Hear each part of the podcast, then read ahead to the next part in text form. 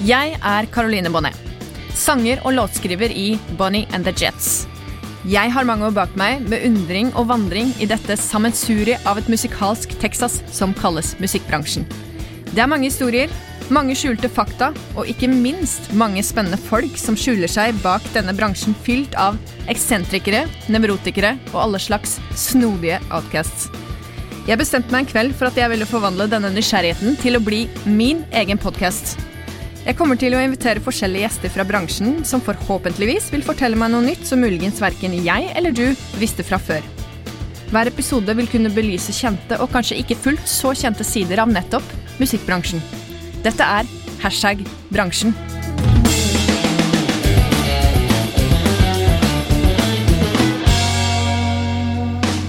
I dag har jeg med meg en gjest som både er bluesgitarist og vokalist og frontfigur i sitt eget band Joakim Tinderholt and His Band. I 2014 ga han ut albumet You Gotta Do More, hvor annet Billy T-Band var blant musikerne som backa han. De ble nominert til Spellemann i kategorien blues samme år. Oppfølgeren i 2017, Hold On, ble også Spellemannsnominert i samme kategori. Han har ellers eh, svart belte i gitarnøling, og er daglig leder og driver eh, den ikke så ukjente gitarbutikken her i Oslo, Vintage Guitar. Og så er han jo for øvrig fra samme sted som undertegnede, nemlig Grenland.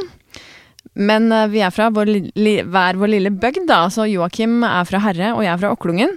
Uh, det skal vi komme litt tilbake til seinere, men uansett, velkommen skal du være, Joakim. Tusen takk. Veldig hyggelig å få være med. Det blir stas å skravle litt uh, musikkbransje med deg. Det har jeg sett fram til. Ja, men så gøy. Jeg også. Uh, jeg kommer jo ikke unna det første spørsmålet mitt, uh, som jeg stort sett alltid stiller. Det er hva tenker du når jeg sier hashtag bransjen? Nei, da tenker jeg jo veldig på, på alle de som, som forsøker å gjøre musikken til et levebrød, da. Altså bransje for meg, det innebærer jobb. Mm. Uh, og da tenker jeg på alle de som uh, enten har klart å gjøre musikken til en jobb, eller som prøver hardt å gjøre musikken til en jobb. Og, og på en måte hva det innebærer da, av uh, ting i tillegg til musikk. Altså Åpenbart så dreier det seg om musikk, men, mm. men bransje er jo så mye mer enn musikk. Mm. Mm. Det er ikke, det er ikke bare kunsten som, eh, som, står i fokus, men kanskje alt rundt, da. Godt svar.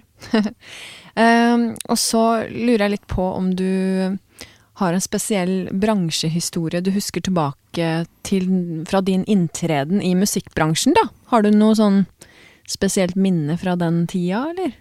Ja, jeg, jeg har jo, som de fleste musikere, da, så har jeg jo mange artist, eller artisthistorier, eller historier, og det er ikke alle som kanskje passer seg på, på tape eller på digitalt format, men, eh, men eh, Nei, jeg vet ikke helt hva jeg skal Hva og hvem jeg skulle, skulle utlevere der. Men jeg kan jo, jeg kan jo eh, legge meg sjøl litt sånn på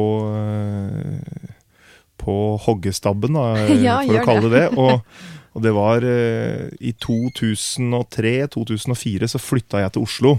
Mm. Eh, og jeg flytta til Oslo fordi at jeg ønska å bli en del av et større musikkmiljø enn det vi hadde hjemme i Grenland. Mm. Og fortrinnsvis da bluesmiljø, som på en måte var miljøet for min sjanger. Hvor gammel var du da? Da var jeg 20 år.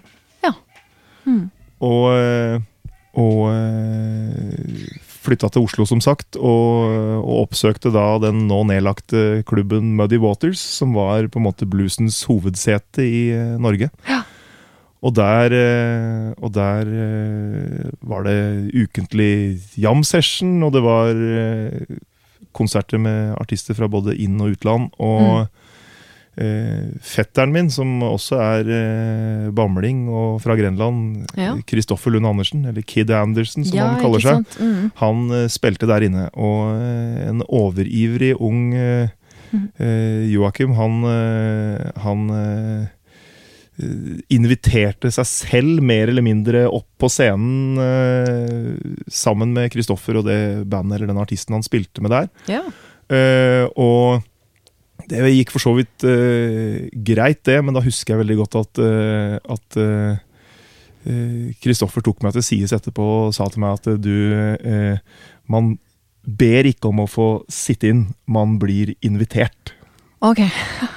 oi, oi, oi. Så det var, sånn, eh, det var en ganske grei sånn eh, nedjekk, da.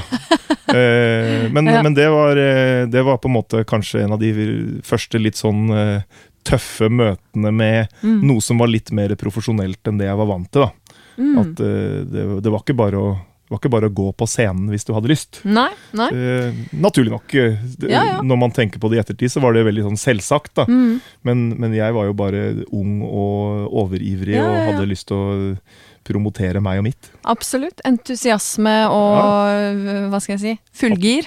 Absolutt. Så, men uh. Men eh, nei, det, det var, eh, det var et, et tøft møte med, med ja, Kall det musikkbransje, da. Det var jo Mm. bransje, for det var jo, Ja. eh, det var jo profesjonell eh, konsert. Men det var jo kanskje litt fint at det var en i familien din på en måte Det- som sa det. At det kanskje ble det litt mer eh, det var jo det. hyggelig å ta imot enn hvis det hadde vært Det- fra en du ikke kjente, da. Altså, hadde det vært en jeg ikke kjente, Mm. så hadde de antageligvis bare snakka om det bak ryggen min. Men, det, ja. men eh, fordi at eh, vi var familie og, og gode venner og godt forlikt, Mm. så sa han det rett til meg isteden. Ja. Sånn at jeg slapp å drite meg ut overfor noen andre. Vet du hva, det det, var jo- det det, er veldig fint, egentlig. At ja. noen, noen som kjenner deg, kan ja, korrigere deg. ikke sant? Det er noe med det. Mm. Absolutt. Så Det, det, trenger man alle innimellom. det, det, men eh, ofte så får man jo ikke vite om det før det på en måte har gått uh, runden på, på bygda. da. Mm. Ja. Men uh, ja, kanskje det var bra, det. Jeg, jeg gjorde ikke det flere ganger. Nei.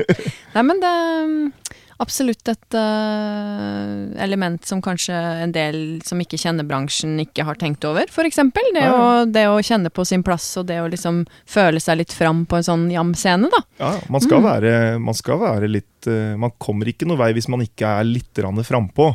Hvis, man- hvis man er altfor sånn der eh, 'unnskyld at jeg fins', Mm. og, og hele tiden liksom sitter med henda i fanget og venter på at noen skal spørre deg, Mm. da kommer det ikke til å skje så veldig mye. Men, eh, men det Kristoffer helt sikkert mente, da, er at du må være litt mer eh, subtil og taktil. Ja. Eh, kanskje ikke gå så rett på mål. ja. ja. Men eh, du har jo tydeligvis eh, lært deg å manøvrere bransjen godt eh, utover det, Joakim. Du Ja. har jo gjort det veldig bra og spiller mye jobber, og du spiller mye i Italia òg, har jeg sett. Mye diverse sånn bluesklubber der, eller? Er det? ja, jeg ja. har eh, for, å, for å ta det veldig sånn eh, konkret, så, Mm. så spilte jeg på en eh, stor festival i Italia i 2016 som heter Summer Jamboree. Ja. Det er en sånn 50-talls livsstilsfestival. Som på en måte har eh, Den har selvfølgelig åpenbart mye musikk, da, med tilknytning til 50-tallet. Mm. Eh, rockabilly, jazz, country, bluegrass, rhythm and blues, alt mulig sånt. Mm. Men også veldig mye dans, veldig mye mote, veldig mye bil, motorsykkel. Alt sånn som på en måte har med amerikansk 50-tallskultur å gjøre. Og Stilig. Hvor i Italia var det? Den eh, festivalen den går av stabelen i en by på Adriaterhavskysten som heter Senigallia. Oh, ja. Er jeg hadde aldri hørt om den verken før eller etterpå, men det er en nydelig sånn eh, ganske liten by. Jeg vet ikke hvor mange som bor der, men hvis jeg sier at det bor kanskje 20 000-30 000 mennesker, da, så, det er, så er det en sånn Det er ikke en storby i det hele tatt, Nei, nei, nei. men en eh, nydelig by som ligger helt ute på stranda, Mm. med masse sånne gamle, flotte hus og sånt noe, som uh, utgjør et veldig sånn vakkert bakteppe for den festivalen. Mm. Uh, og på den festivalen så, så møtte jeg en italiensk musiker som uh, heter Stelio Lacchini. Mm. Han, eh, han går under eh, artistnavnet Lucky Luciano. Oi. Og er, eh, og er bandleder og promotør og impresario for, for masse sånne italienske artister i, i den sjangeren. Ja. Og han lurte på om jeg ville komme tilbake til Italia en annen gang og spille sammen med han, da, altså noen musikere som han hadde pluk plukka ut. Mm. Og først så sa jeg Jeg sa ikke nei, men jeg sa jeg vil helst spille med eget band og Mm. sånt noe. Mm. Og, og det vil jeg jo selvfølgelig helst, men eh, vi prata litt om det, og han sa at dessverre så er det sånn at uh, altså, Norge er et kostbart land. Mm. Hvis vi skal fly fem uh, nordmenn fra Oslo til, ned til Venezia, da, som var flyplassen som vi har reist til, Mm. å innlosjere fem mann på hotell i en uke og, og gi dem eh, mat og spise og vin og drikke, så, Ja. så er det ikke så veldig mye igjen til slutt. Eh, men eh, jeg lover deg at jeg skal skaffe deg flinke musikere som, eh, som har forståelse for sjangeren, og som kommer til å gjøre en fin jobb. Mm. Og da tenkte jeg jo at eh, ok, jeg kan jo gjøre det én gang. Og Mm. hvis det er liksom Hvis ikke det funker, så sier jeg jo bare takk, men nei takk neste gang. Og funker det, så er det et kjempeopplegg. Og Mm. Nå, jeg skal tilbake igjen nå i desember, og da blir det femte gang jeg reiser ned for å Ah. turnere med, med italienske musikere. Da, som er helt prima folk og deilige laidback typer å være sammen med. Ja. Så fantastisk. Og Mm. Italia er jo bare helt nydelig, da. Det er jo det. Det er jo, det er jo lidenskapelige folk, ikke sant. Ja, så de, ja, når de liker noe, så gir de tydelig uttrykk for det. Mm, mm. Og for en litt sånn kjølig nordmann, så er det, så er det veldig stas, da. Ja, ja, ja. Det er det, det er, jeg er ikke mer avansert skrudd sammen at jeg er en sucker for litt klapping og hoiing. Ja, altså. Hvem er ikke det? Hvem er ikke det? det? Det tror jeg er en felles nevner for sant? alle mennesker, i grunn. Mhm. Men um, når du tenker på musikkbransjen, du nevnte jo i starten her at uh, altså bransjen, hashtag bransjen, tenker du på mye rundt det som ikke er kunst, og på en måte alt som skjer rundt, da. Men hva er det du tror eh, de som ikke kjenner til musikkbransjen, misforstår mest med den, da? Har du noen formening om det? Det tror jeg er eh, liksom den, den største misforståelsen er på en måte eh, mengden jobb det innebærer, da. Ja. Eh, at, at man tenker det at man, hvis man er en dyktig sanger eller en flink låtskriver eller en god gitarist, så er det liksom job done.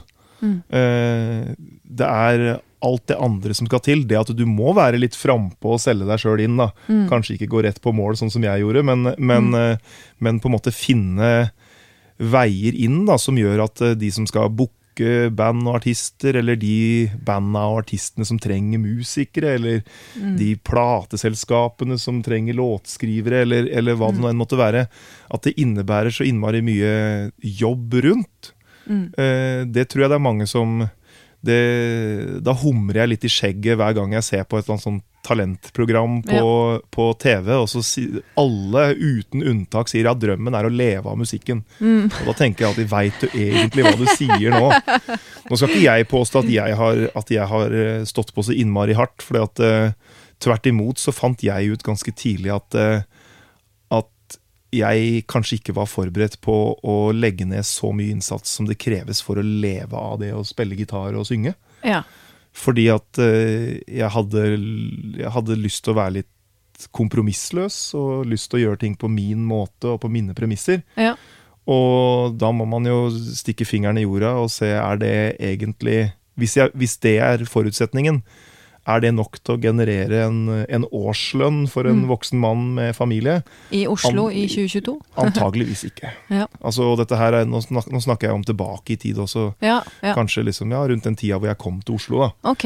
Så jeg, Mm. jeg vil ikke si at jeg ble desillusjonert, men, men ganske raskt. da. Jeg kom jo som sagt til Oslo fordi at jeg hadde lyst til å, å prøve meg i, i musikkmiljøet og, og skaffe meg et bra band og, og, og få så mye spillejobber som mulig. Mm. Men fant eh, relativt fort ut at eh, det var greit å ha en jobb. Eh, Ja, ja. Og, og at eh, liksom den ja, drømmen om å leve av musikken for enhver pris kanskje, kanskje ikke var den rette veien å gå. Da. Mm. Og, og at egentlig så Når jeg kom til den innrømmelsen og liksom landa litt på det, så var det akkurat som det liksom åpna seg en sånn eh, kreativ dør. For da var liksom ja. The pressure is off. Og så Ah. kunne jeg så, så begge platene jeg har gitt ut, og egentlig all, jeg det, i, den grad du kan kalle det suksess, da, den suksessen jeg har hatt, Mm. har jeg på en måte hatt etter at jeg la fra meg ideen om at uh, at det var liksom det var, At dette var den eneste veien. Det er interessant. Ja, jeg Ja. tror jeg, Det er jo ikke nødvendigvis veien for alle, og, men, men for Nei. meg så var det så trengte jeg det, da. Ja, ja, ja. Jeg trengte at, eh, at dette var noe jeg ville gjøre, og ikke noe jeg måtte gjøre. Akkurat. Ja. Det er uh, interessant refleksjon rundt det å satse på drømmen eller ikke. Altså, for det kan jo fortsatt være en like stor drøm, selv om Ja. man velger å ikke gjøre det til en fulltidsgeskjeft, Ja, på men sett det og var, vis. Mm. det var jeg, hadde aldri, jeg hadde aldri tenkt å slutte å spille musikk. Det var, eh, det var aldri liksom eh, tanken. Mm. Eh, Men, men på et tidspunkt så var det litt sånn Ja, men da kan jeg vel plukke opp et par gigger her og der, da. Og liksom Mm. gjøre, gjøre det jeg syns er gøy. Spille Mm. Mine låter og gamle blueslåter, og, og på en måte få lov til å spille gitar for folk innimellom. Ja. Og det er ikke alle forunt, bare det. Så Nei, det er sant. Man er jo heldig som får Ja. drive med det man gjør, og det er klart det er jo et privilegium å kunne Mm. spille musikk og Absolutt. drive med det. ja, bare, ja, ikke sant? Bare, det, bare det å kunne samle en gjeng med flinke musikere da, Mm. og spille sammen. Absolutt. Bare det er jo, er jo en utrolig bra greie, og noe som jeg er utrolig takknemlig for. Mm. Og da var det akkurat som, som sagt, når jeg, når jeg liksom la fra meg den der eh, tanken på at, eh, at det her var liksom eh, Hvis ikke jeg fikk suksess med musikken, så var, mm. da var løpet kjørt, liksom. Ja. Når jeg justerte meg ned til at ja, men det er jo godt nok å bare få spille litt, Mm. da ble plutselig alt over det ble jo en sånn kjempebonus. Ja. Så gleden over det, den suksessen man hadde, var jo enda større. da. Ja, ja. Fordi at da var det liksom bare all, Alt var bare en bonus. Ja. Det høres egentlig ut som en bra måte å approache livet på, tenker jeg. Det å se på ting som en bonus, da. Ja, jo, altså Um. Vi er jo, vi som bor eh, på den kanten her av verden og i et eh, i verdens rikeste land. Vi, Mm. vi, eh, vi har det jo ganske godt nesten uansett. vi har jo vunnet i Lotto, sånn utgangspunktet. vi har på mange måter det. Ja. Eh, altså, De fleste. ja, ikke Mm. dermed sagt at uh, man ikke kan ha sine problemer og bekymringer i verdens rikeste land. Nei, fordi at, uh, det er helt sant. for det har man så absolutt, liksom. Man er seg sjøl nærmest, osv. Definitivt. Men, uh, men hvis man av og til da, klarer Mm. å se ting i et litt sånn stort perspektiv og tenke at ja, men Mm. fader, jeg er ganske heldig uansett. uansett. Det er noe med det. Det er viktig refleksjon. Mhm. Eh, men det virker jo som om du egentlig veldig tidlig i din karriere var veldig satt i forhold til at ok, det er blues som er greia mi, og det er det, det jeg skal drive med. Er det, er det sånn at du fant ut av det veldig tidlig? At det, det var din uh, cup of tea, eller?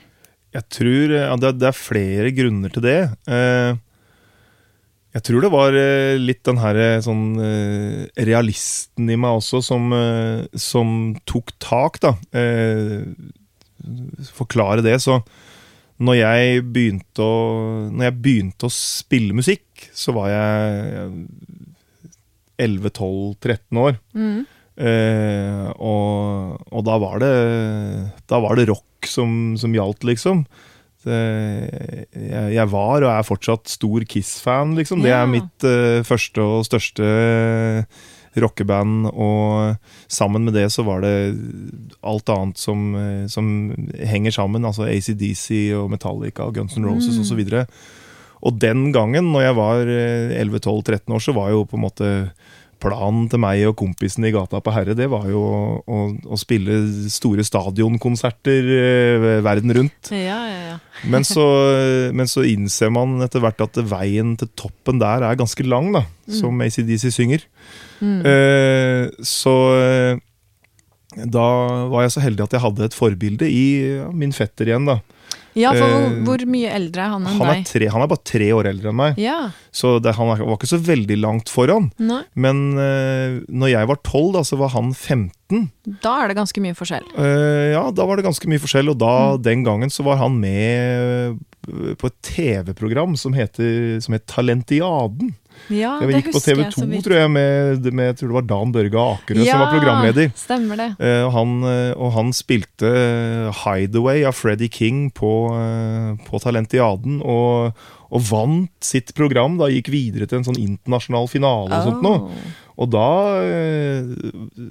det, det sådde jo et frø i meg, ikke sant, at ah, kanskje det er veien å gå. ikke sant? Hvis han, hvis, det, hvis han kan klare det, så kan kanskje jeg også. Mm.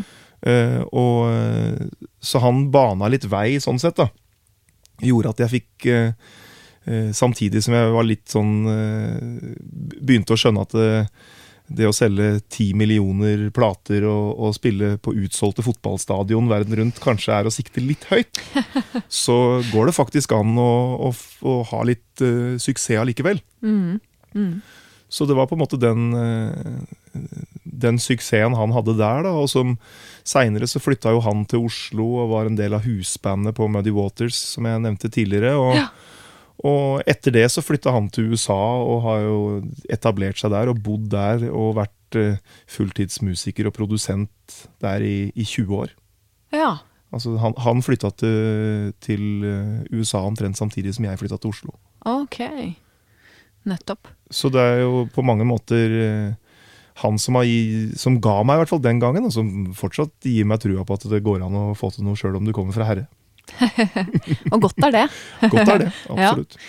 Eh, men uh, når var det du fant ut at bluesen på en måte var det du For du sa at du hadde Ja, veldig det mye eh, ja, det var, og sånn, men Det var kanskje litt, uh, litt seinere enn det. Mm. Etter at jeg var ferdig på videregående. For fram til fram til jeg var 18, så, så var jeg også en, en middels talentfull fotballspiller. Å ja. Eh, så, så jeg brukte mye av tida mi på det også. Så okay. det var litt sånn 50-50 på om jeg hadde lyst til å bli rockestjerne eller fotballproff. da. Ja, ja, ja. Eh, veldig sånn eh, Mamma var veldig stolt av hva, hva skal du bli når du blir stor? planene mine. Det var enten rockestjerne eller fotballproff. Men så gikk jeg på idrettslinja på Porsgrunn videregående. eh, og der gikk jeg sammen med, med ganske mange veldig gode fotballspillere. Ja. Eh, og det kunne jeg også se, at de var ganske mange hakk bedre enn det jeg var. Og jeg kunne også se at de var ganske mange hakk mer motivert. Altså For jeg hadde, når helga kom, så hadde jeg lyst til å dra på fest. Og jeg Ja. lyst til å uh, sjekke damer og spille Ja. gitar og Mm. sånne Mm. ting. ikke sant? Mens de ble gjerne igjen på fotballbanen etter at treninga var over og sto og, og slo baller mot krysset til, til Mm. sola gikk ned. ikke sant? Mm. Og da skjønte jeg ok, men det er kanskje det som skal til for at du skal komme noen vei med fotball. Da må du, da må du ville det mye mer enn du vil alt annet. Mm. Fordi at der er det jo enda flere som skal gjennom nåløyet, ikke sant. Mm. Så da skjønte jeg at ikke det kom til å bli noe, og da, da søkte jeg meg på folkehøyskole på Trøndertun. Oh, ja! Og så jeg, kom jeg dit, og kom dit som eh, rocketrommis og vokalist. Eh, og ble helt overvelda, for, for, da, for da hadde jeg vært liksom eh, en av de få som dreiv med musikk i, i, i min omgangskrets. Mm. Uh, hadde mitt band og sånne noen andre kompiser som dreiv på, liksom, men, men vi var liksom the odd ones out. Mm. Plutselig så var det Plutselig så var det Så dreiv jo alle med det, ikke sant? Ja. Og da var det sånn derre Å ja, det er Det er 15 andre som også spiller rocketrommer her. Mm. Eh, skal jeg få eh, skal jeg finne meg noe band da? Mm. Eh, så da måtte jeg liksom prøve å søke Ja, men Mm. eh, så traff jeg en, eh, en eh, flink gitarist fra Bergen som som var, som var bluesinteressert. Det var liksom Buddy Guy og Albert King var liksom eh, greia hans. Og, og da kjente jeg litt til de tinga der fra før, siden jeg på en måte hadde fetteren min, da, som Mm. hadde, som hadde for, forsøkt å liksom inspirere meg med bluesmusikk. Og da fant vi hverandre der, for jeg, jeg trengte å være noe annet enn Mm. det alle de andre var. Ja. Så da eh, starta vi eh, vårt første, mitt første bluesband, som het Blue Cadillac. ja. Og det var eh, meg da, og Sondre Hvitsten fra Bergen på gitar. Veldig flink eh, gitarist. Og så Ja. to uh, musikere fra Sogndal. Mm. Amund Stokke på bass. Han spiller i et band nå som heter Norway. Okay. Som er sånn indie-rock-band som har gjort det ganske bra. Og så eh, en trommeslager som heter Erlend Bolstad. Ja. Og det var liksom Da var vi det eneste bluesbandet på Trøndertun. Ja. Og det trivdes vi veldig godt med. Og da sang du, håper jeg. Da sang jeg. Ja. Da sang jeg. Da eh, la jeg fra meg trommestikkene. Jeg spilte litt trommer i noen sånne sideprosjekter, og sånt, men det var på Ja. en måte bluesbandet som ble hovedgeskjeften. Og så, Mm. Og så, eh, mens eh, og, og var ganske driftig og, og tidlig ute med å booke spillejobber, da. Ja. Fordi at det visste jeg jo at Altså Starter du et rockeband med egne låter, så er det ti år med å spille for døra og betale lydmannen og dørvakta ut av egen lomme. Ja. Men eh, vi hadde spilt i bluesband i tre måneder og, og, og dro på turné den, i påskeferien. eh, da, da hadde vi booka oss fem gigger vi i påskeuka, Okay. og kom tilbake med Den gangen var det kontantbetaling òg, så vi kom Ja. tilbake med lomma full av tusenlapper på ikke sant? Og var bare Se hvilken sjanger dere skal Yes, velge, folkens. Suckers som spiller i rockeband. Eh, Fantastisk. så jeg fikk jo brent opp alle de penga på 3B og, og rundt omkring i Trondheim by, selvfølgelig. Men, Ja, ja. eh, men det var eh, Da var vi storkarer, da. Ja, ja. Så det, så det var eh, Skjønte det at det var mye mer butikk i å spille bluesband enn å spille rockeband. I hvert fall Mm. fram til du er rockestjerne. da. Ja, ja. Så det var, det var derfor jeg valgte det, rett og slett. For, først for å gjøre noe annet enn alle de andre, Mm. og så fordi at au, det går an å tjene litt penger på det. Mm.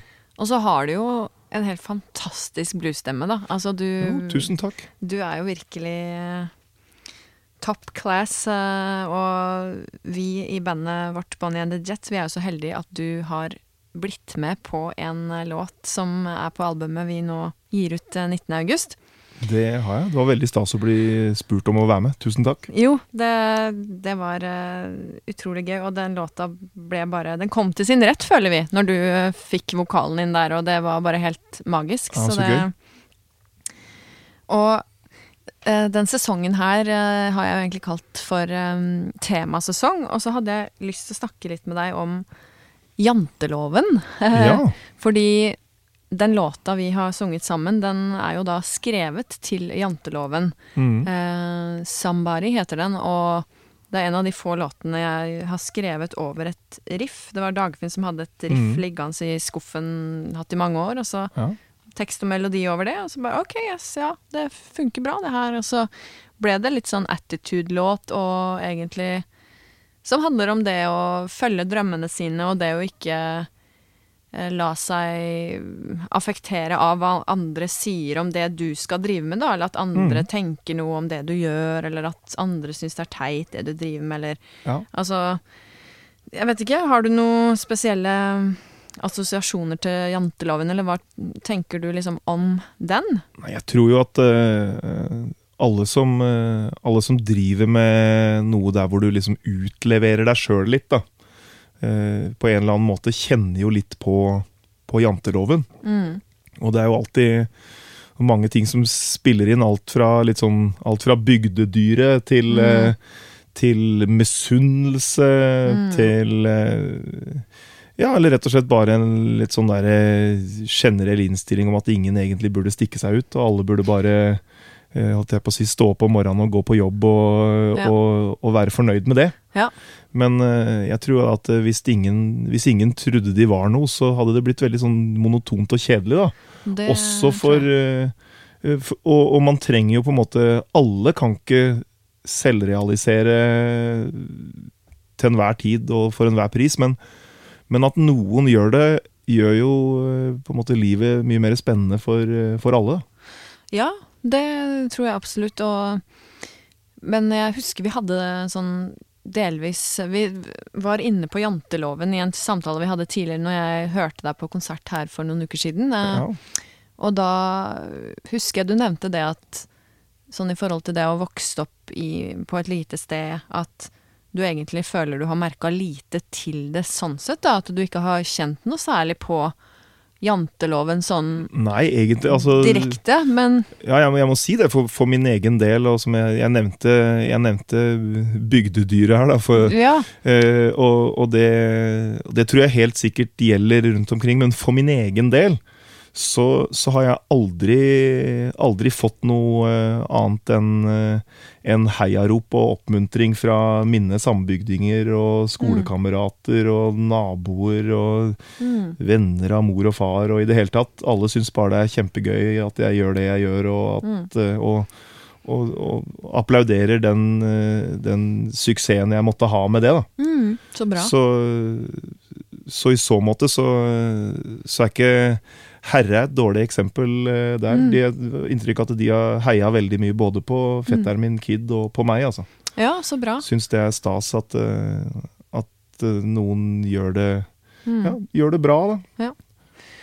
Jeg føler at Okklungen også egentlig er Jeg syns ikke Jeg skal ikke guilt-trippe Okklungen, fordi jeg syns ikke det er noe Jeg har ikke noe sånn veldig ubehagelig opplevelse ved at jeg har tenkt at noen tenker noe vondt om det jeg har lyst til å drive med, men nå er det såpass lenge siden jeg sånn sett flytta derfra, og det er lenge siden jeg har bodd der, og det er liksom Ja. jeg har ikke noe veldig relasjon til bygda lenger, sånn sett, da. Men, eh, men det bygdedyret er jo selvfølgelig eh, en sånn greie som fins stort sett på alle små Ja, steder tror- i Norge og alle land, kanskje. Jeg tror, det, jeg tror det bygdedyret gjør seg mer gjeldende når noen kjøper en litt dyrere bil enn det den burde, eller, eller når eh, liksom når naboen eh, får seg svømmebasseng i hagen eller et eller annet Ja. sånt noe. Ja. Jeg tror ikke, jeg tror ikke liksom det, å, det å være flink til noe og gjøre det bra sånn sett, Mm. eh, tror jeg ikke er det, det tror jeg ikke slår ut bygdedyr i så stor grad som, som den her eh, Ja, som jeg sier, den kjøpt seg litt for stor bil, eller, Mm.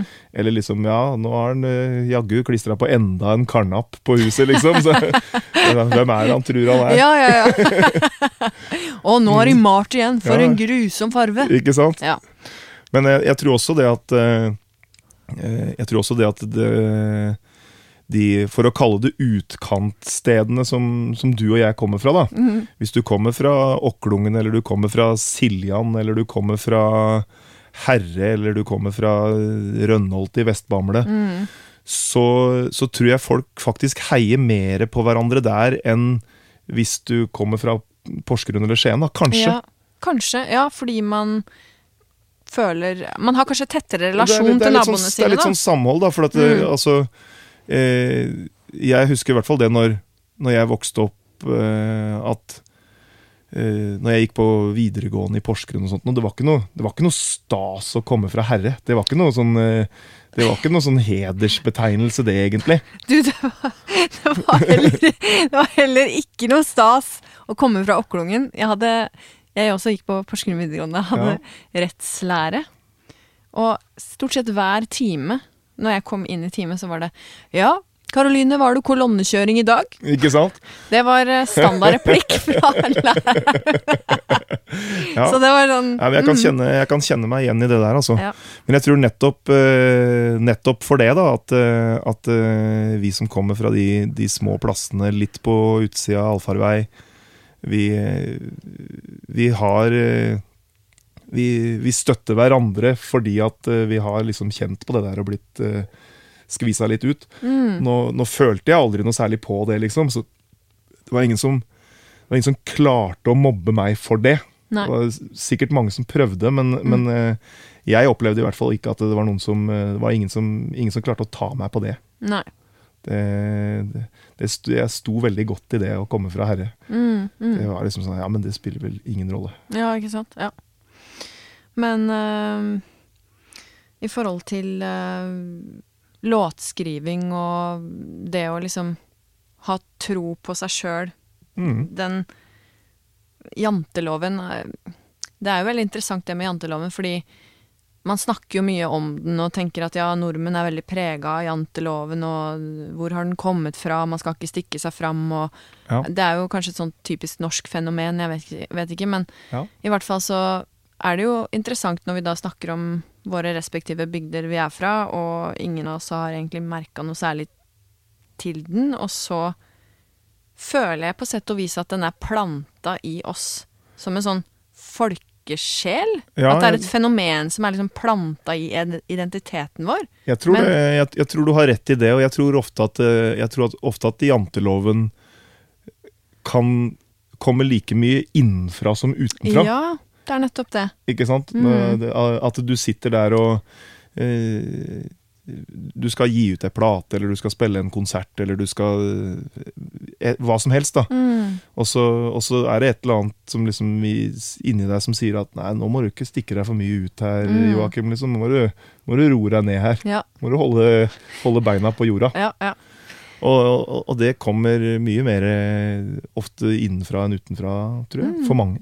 Ja, jeg tror nok det at den Ja, litt det at den er liksom planta i oss eh, på sett og vis. Og hvorfor det er den blitt det, det er jo en sånn lang filosofisk eh, diskusjon, for så vidt. Men, men altså Det var jo egentlig litt interessant når jeg skrev den låta, så var det litt sånn Jeg følte jo at det på sett og vis var litt sånn Somebody kan være din egen stygge på ryggen, Ja, ja. og så Absolutt. er det også kanskje den eh, bekjente du har som kanskje er Mm. misunnelig fordi du følger dine drømmer, og den Klart. har ikke klart å gjort det, eller altså sånne ting. Da, at det er en sånn tosidig greie. Ja, men det, altså, en sånn tekst kan være like mye hjelp til selvhjelp Ja. eh, som, eh, som at den nødvendigvis liksom peker fingeren på noen. Mm, mm. Men har du Altså, hvor, hvor tidlig begynte du å skrive låter, egentlig? Var det Jeg har, eh, jeg har egentlig aldri vært, og ser fortsatt ikke på meg som noe utprega låtskriver. Jeg skriver litt sånn øh, Jeg skriver litt låter av eh, nødvendighet. Ja.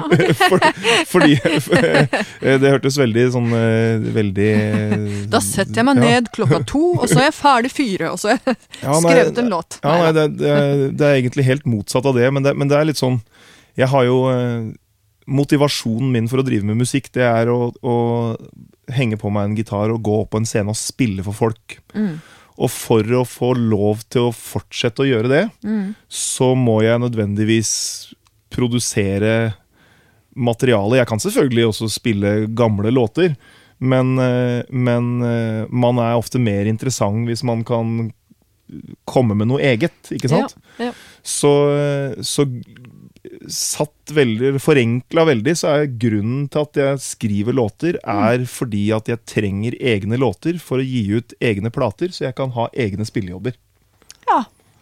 Det Veldig Jeg har eh, Jeg, jeg er ingen eh, Jeg er ingen lyriker, på en måte. Jeg har ikke noen, jeg har ikke noen, jeg har ikke noen Dylan-vyer eh, om, å skrive, om å skrive liksom noe som er uh, dypt eller, eh, eller viktig, da. Nei. Eh, jeg, eh, jeg er litt sånn jeg, Little Richard-låtskriver. Ja, ja. Wapabaluba wapambu. En av de beste låtene skrevet noensinne. Ja, ja. Det funker. Ja, det Ja. gjør det og, det, og, og spesielt når du driver med litt sånn eh, Ingen liker å bli putta i bås, men eh, la oss bare kalle en spade for en spade. Og jeg, jeg spiller rhythm and blues og rock and roll. Ja. Eh, sjangermusikk, da, kan Mm. du kalle det. Og, og eh, da tror jeg det at det, for å kunne gjøre det litt sånn uhemma, Mm. så må man liksom legge den derre frykten for å være platt bak seg.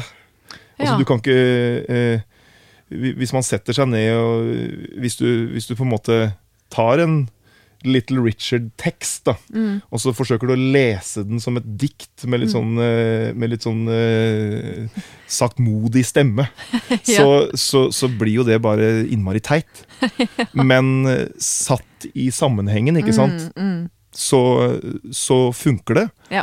Så, så det er på en måte min sånn eh, låtskriver-approach. Det er rett og slett at jeg, jeg skriver ikke lyrikk, jeg skriver sangtekster til, til rhythm and blues, rock'n'roll, Ja, ja. soul-låter, som, eh, som i og for seg er eh, eh, litt sånn floskler og plattheter satt i system, Mm. men forsøksvis uten at det bikker fullstendig over.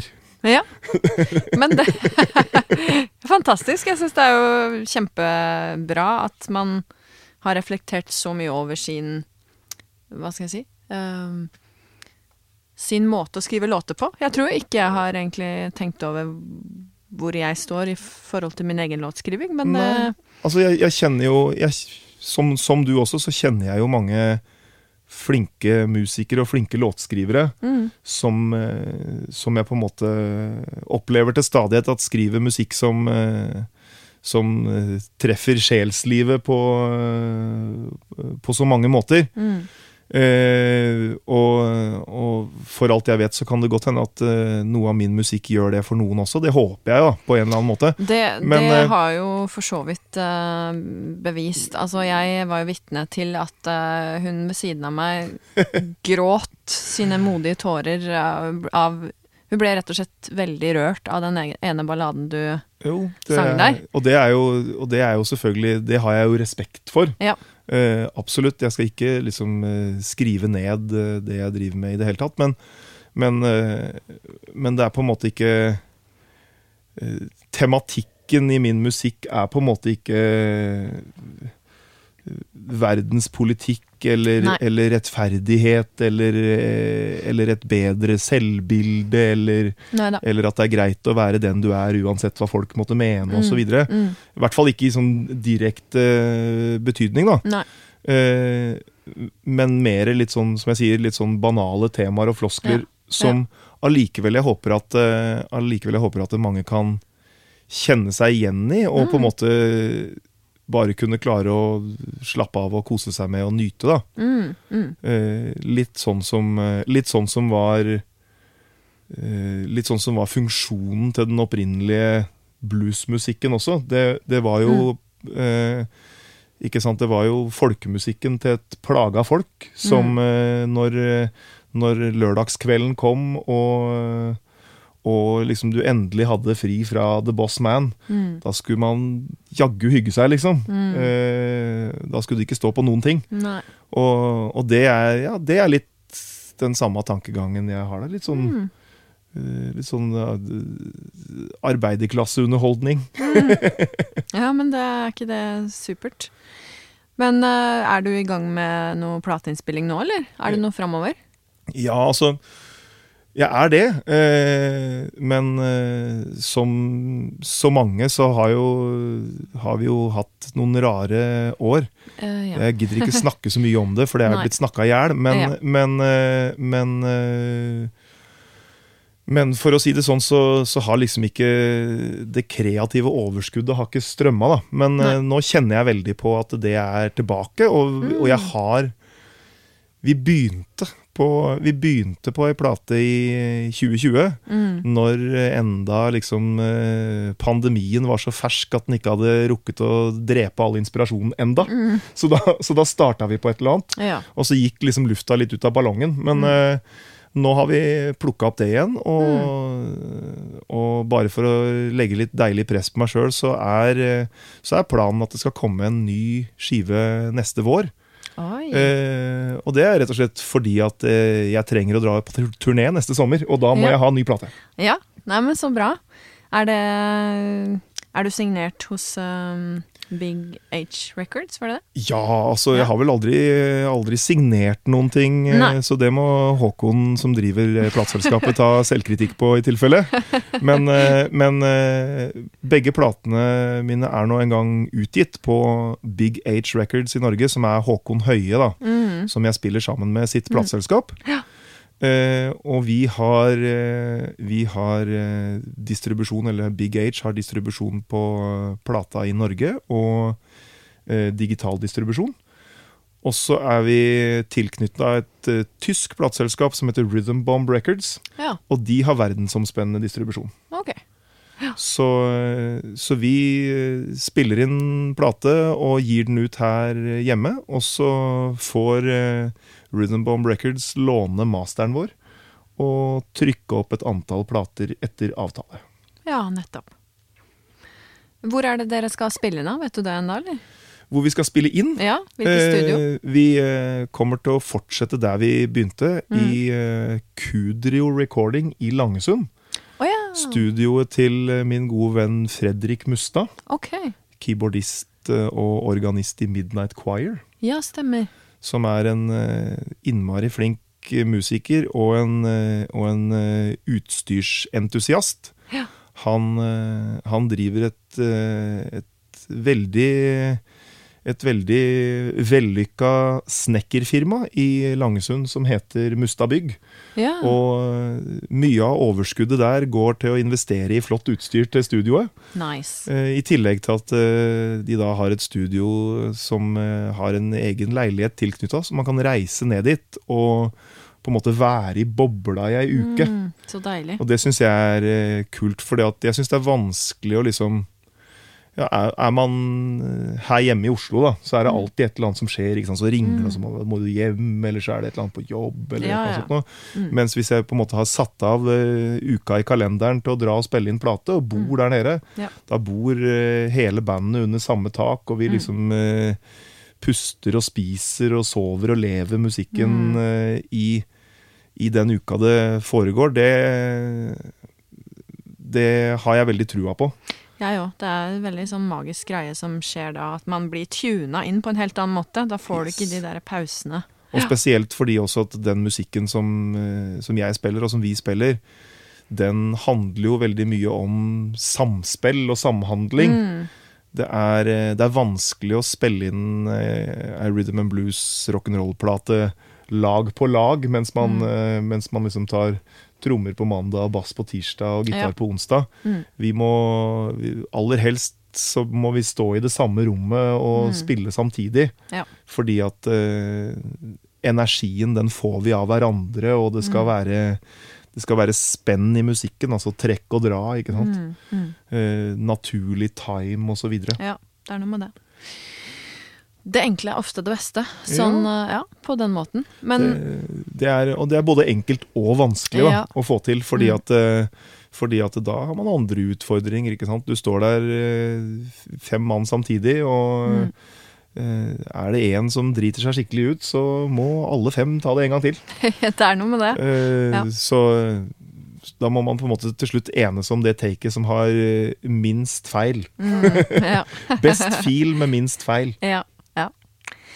Men uh, du har jo turner turnert mye, Joakim, og jeg er litt spent på om du har en sånn morsom uh, hashtag bransjen-historie fra veien som du tenker at ja, det her hadde vel aldri skjedd noe annet sted enn i musikkbransjen, nei. Ja, eh, det er eh, Hva skal jeg jeg kan, jeg kan fortelle om, jeg kan fortelle om eh, den, eh, den første gangen jeg Den første gangen vi tok med oss bandet til utlandet. Ja. Eh, fordi at eh, rett etter at vi hadde gitt ut den første plata, Mm.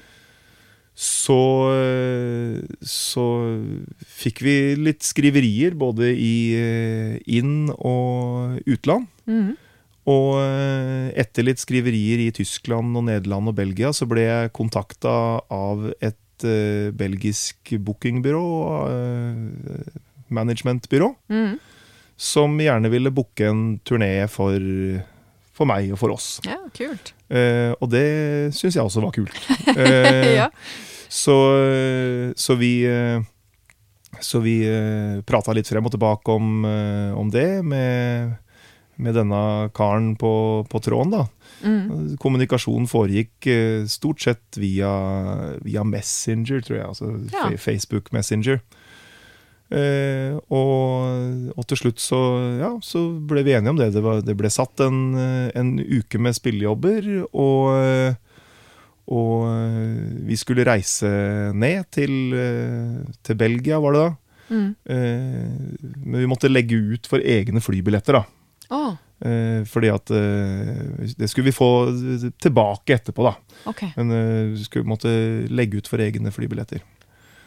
Og så, og så reiser vi ned dit, og så, og så blir vi Så kommer vi, til, kommer vi til flyplassen, og så skal vi ta et tog til, dit til den byen der hvor han bookingagenten bodde, da, hvor han skulle møte oss og, og i det hele tatt. Mm. Og så, ja, så tar vi toget dit og, og blir plukka opp på togstasjonen da, av denne, denne karen som skal uh, forbli navnløs. Ja. Uh, men uh, ja, og, og for så vidt alt greit. Og vi blir, vi blir kjørt da hjem til en, til en kamerat av han. Ja. Der skulle vi da bo. Ok. Ok, Det var liksom sånn, litt sånn overraskelse nummer én. Jeg Ja. hadde, hadde kanskje trodd at vi skulle bo på et eh, i, i verste fall et litt billig hotell. da. Ja, ja. Men eh, nei da, vi skulle bo hjemme hos, eh, hjemme hos en fyr som kjørte bil for han. da.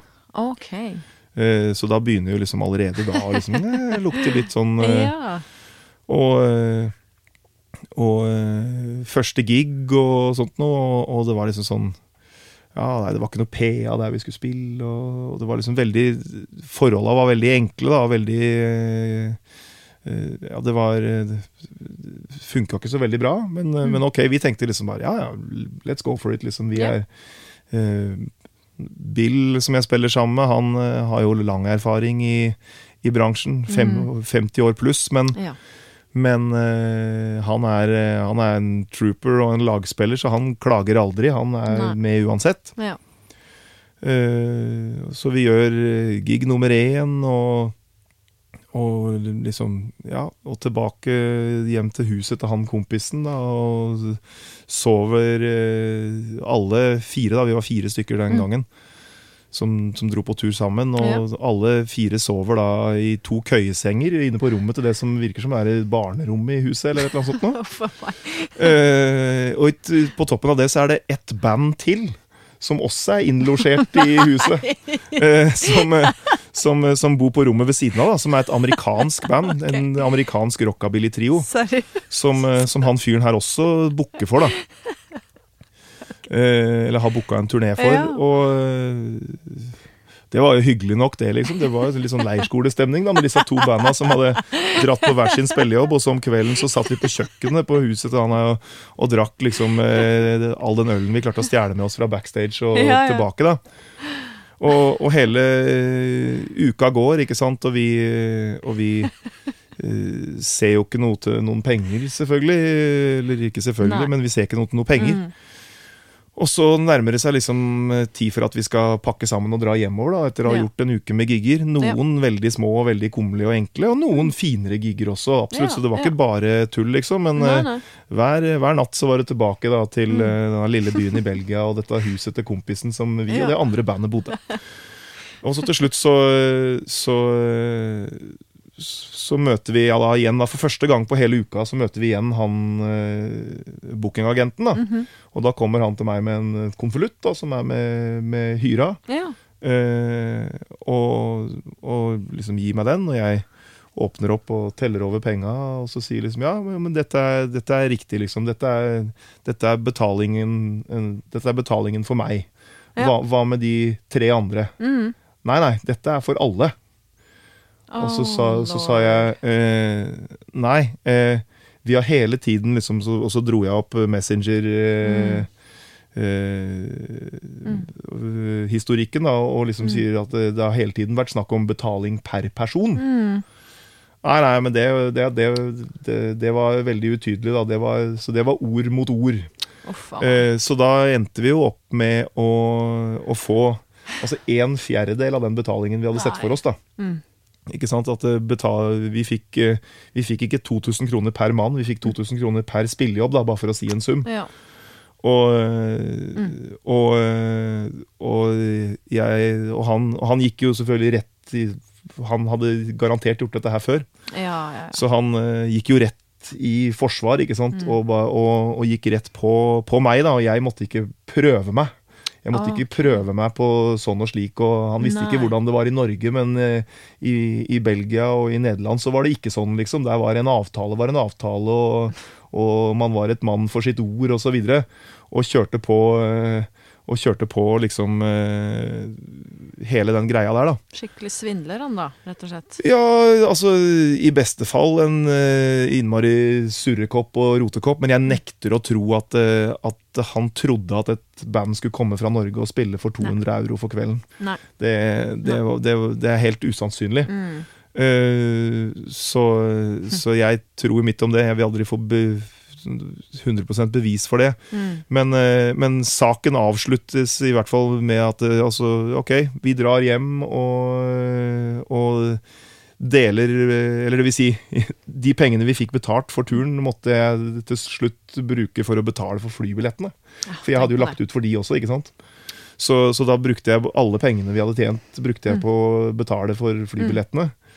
Som jeg hadde et, Etter selvfølgelig eh, samtale med gutta i bandet og, Mm. og litt sånn der eh, Hva Hva tenker dere, gutta? Skal vi, skal vi, skal vi dele penga oss imellom og sånt noe? Og så får eh, Det er jeg som har, har liksom stått for praten her, så, Mm. så jeg kan godt ta den smellen. Mm.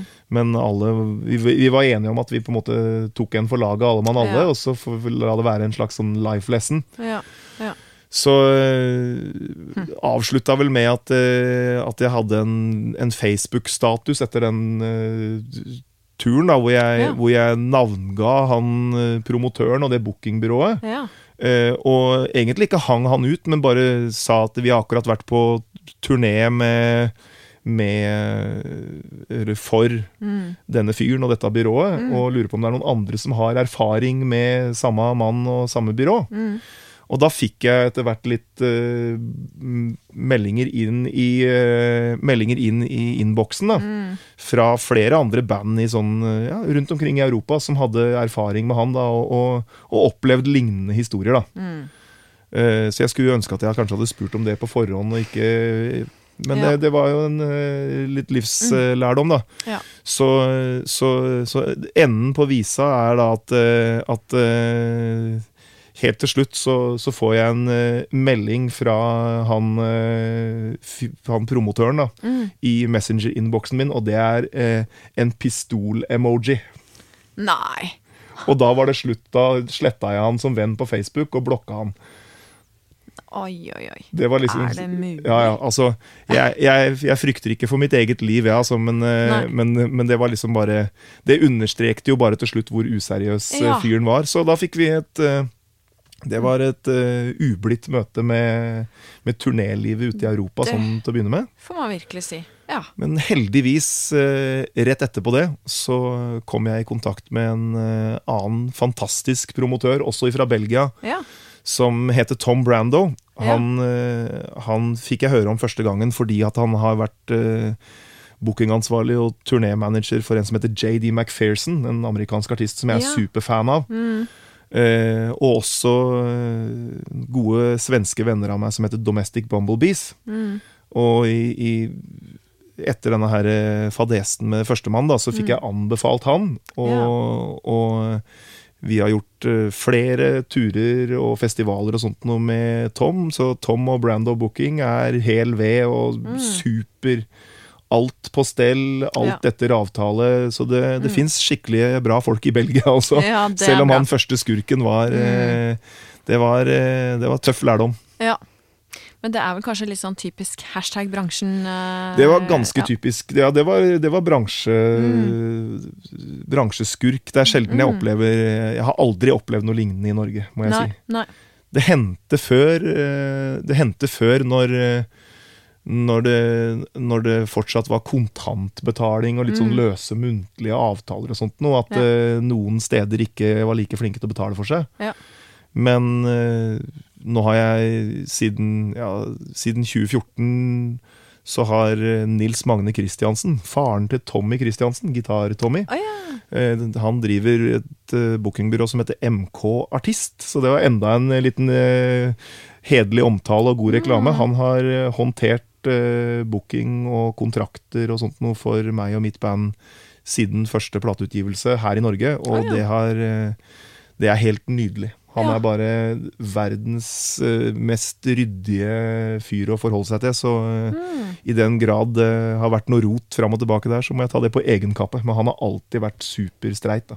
Så bra. Og da har det alltid vært signerte avtaler og dagsplaner og alt på stell. Så Ja. han, er en, eh, han er en bransjemann med stor B. Mm, ja. Det er bra, og det finnes mange av de, heldigvis. Det finnes flest av de, opplever jeg. Flest av de, ja. Mm. Men når du da ser tilbake på din erfaring i musikkbransjen og alle de åra du har spilt rundt omkring og vært på turneer og ja, opplevd mye rart som du var innom nå nylig, har du, har du noen spesielle råd du ville gitt deg sjøl? Sånn 18 år gamle Joakim som skulle ut i den store, stygge musikkbransjen. er det noe du tenker at det ville jeg kanskje gjort annerledes, eller? Ja, jeg tenker jo at uh, At jeg kunne sikkert unngått noen blemmer hvis jeg hadde tort å spørre. da. Mm. Og fordi at uh, man har jo liksom det er ingen som har lyst til å være ferskingen og liksom øh, og, og spørre, for det, spør du, så avslører du jo på en måte at ikke du vet. Mm. Men, øh, men øh, hvis jeg på en måte hadde Det er jo ingen som forventer at du skal vite alt når du er 18 år gammel. Så, så hvis jeg skulle gi meg sjøl et godt råd, så var det spør først. For du trenger ikke å gjøre alle feila sjøl. Det er lov å lære av det andre har gjort før deg. Det var et veldig bra råd. Det tror jeg mange som kan lære av, uh, inkludert meg sjøl òg. Når jeg ser tilbake, bare ja, det hadde kanskje vært greit å spørre litt rundt om diverse ting. Sånn. Ja, jeg tror, innimellom? jeg tror, tror, tror absolutt det. Ja. Jeg, ja, jeg lærte, lærte det tidlig. Man, eh, man inviterer ikke seg selv på scenen. Man spør Mm. om å få si Eller man blir spurt. Mm, mm. Vi lar det være siste ord i eh, praten vår. Jeg sier tusen takk for at du eh, kom hit og skravla med meg. Det var veldig hyggelig. Takk for at jeg fikk eh, komme. Veldig hyggelig. Så takker jeg deg som lytter på podkasten. Det settes stor pris på. Ha det godt.